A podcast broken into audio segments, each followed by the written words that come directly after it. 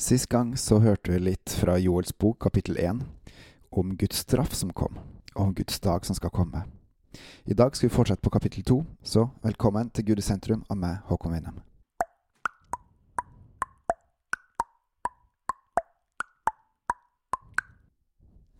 Det er flere bøker som omtaler de siste dagene. Du har Johannes' åpenbaring, som kanskje er den mest kjente, men du har også Daniel, og du har Zakaria.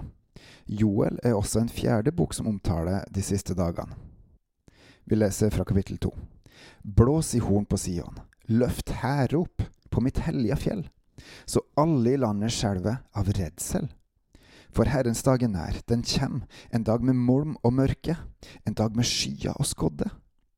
Det kommer et stort og mektig folk og brer seg som morgenrøden på fjellet.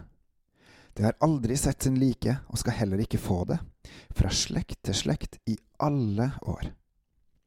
Foran det fortærer ild, og bakom slikker flammen. Foran er landet som hagen i Eden, og bakom ligger en livløs ørken.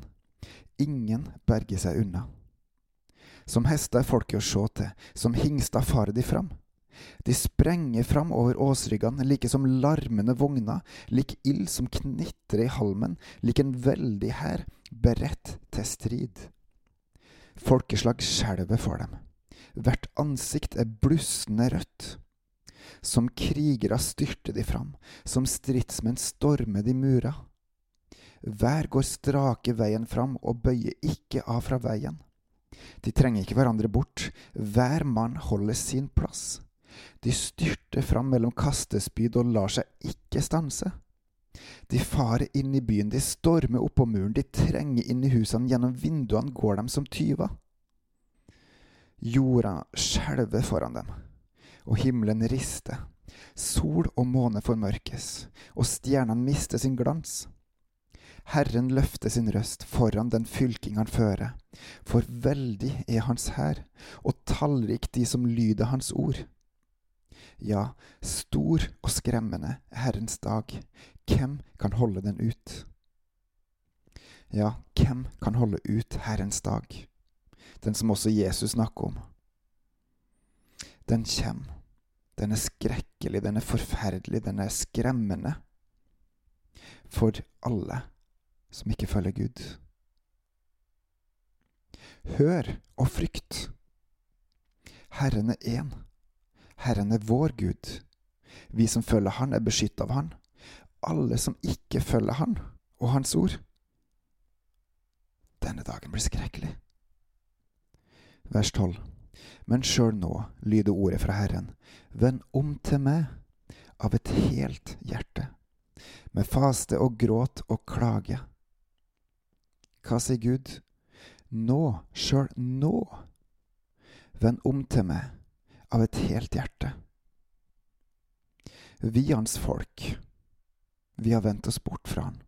Vi følger våre egne lyster, tanker, viljer og guder. Vi lever ikke etter Gud, vi følger ikke etter Hans ord. Vi vet ikke hva som står i ordet hans engang. Men sjøl nå lyder ordet fra Herren, vend om til meg av et helt hjerte. Med faste gråt og klage. Riv ikke klærne sund, men la angeren rive i hjertet. Vend om til Herren deres Gud, sier Herren. For Han er nådig og barmhjertig, langmodig og rik på miskunn. Han kan endre sin plan, så han ikke lar ulykken komme. I Johannes' åpenbaring står det om de sju lysestakene, én til hver av de ulike menighetene. Og Jesus går rundt til hver engel til hver menighet og fortelle dette er bra, dette må dere fortsette med å gjøre, dette er destruktivt og ødeleggende, slutt med det med en gang, omvend dere. De fikk en ny mulighet til å omvende seg til å følge Herren, av et helt hjerte.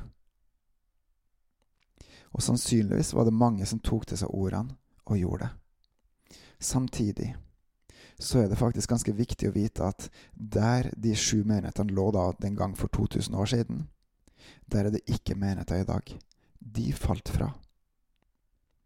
Og den dag i dag så er det faktisk mulig å dra på tur dit for å se på ruiner fra noen av disse menighetene.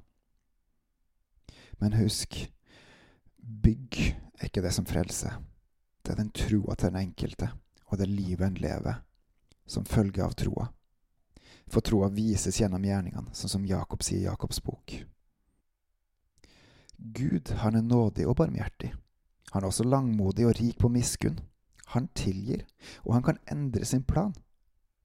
Og ønsker vi at Gud skal være til stede her i Norge, i bergensområdet Skandinavia fortsatt, så må vi omvende oss.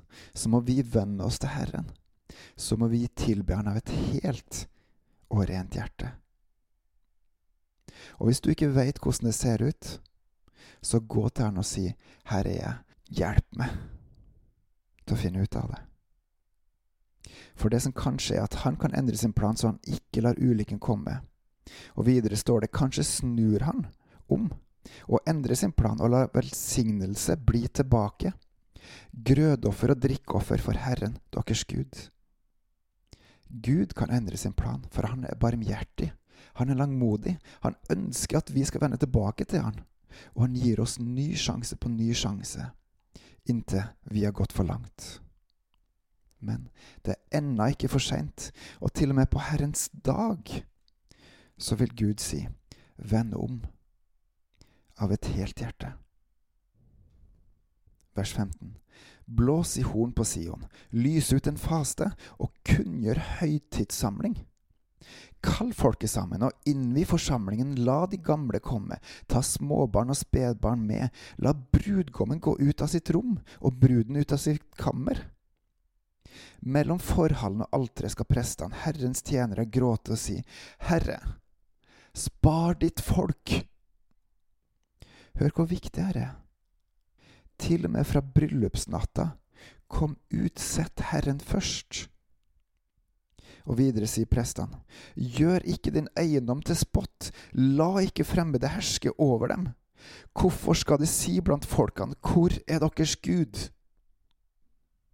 Og med unntak av Vigeland i dag, så er jeg redd for at det er mange som sier, hvor er deres Gud? Vi er blitt som alle andre. Vi følger det som er rundt oss. Stort sett.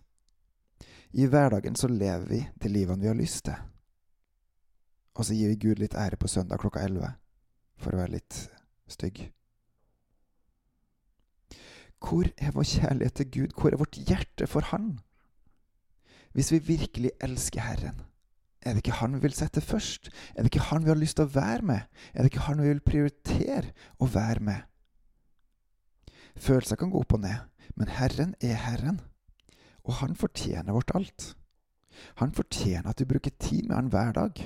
Å ikke bruke tid med Herren er å synde. For budene er elsk tro på Jesus og elsk brødrene. Gjør man ikke det, så synder man.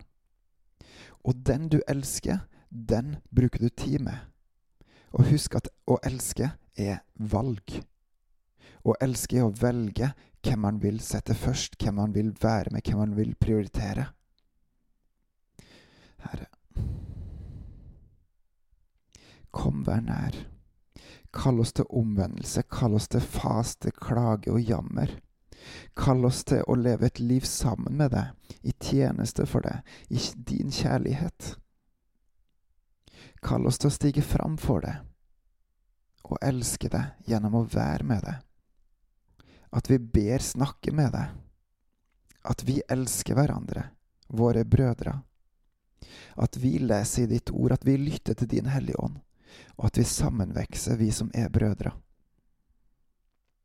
Fordi du er Herre, du er konge, du er Gud, fortjener all vår ære og lovprisning. Og bare du alene er Gud. Å Herre Gud, ikke bare reis opp én og én, men reis oss opp som fellesskap, altså som ditt folk. Og må vi stå sterk i det og med hverandre. Må vi kjennetegnes av at vi elsker hverandre og elsker det. Alt til din ære. Amen. Og på gjenhør.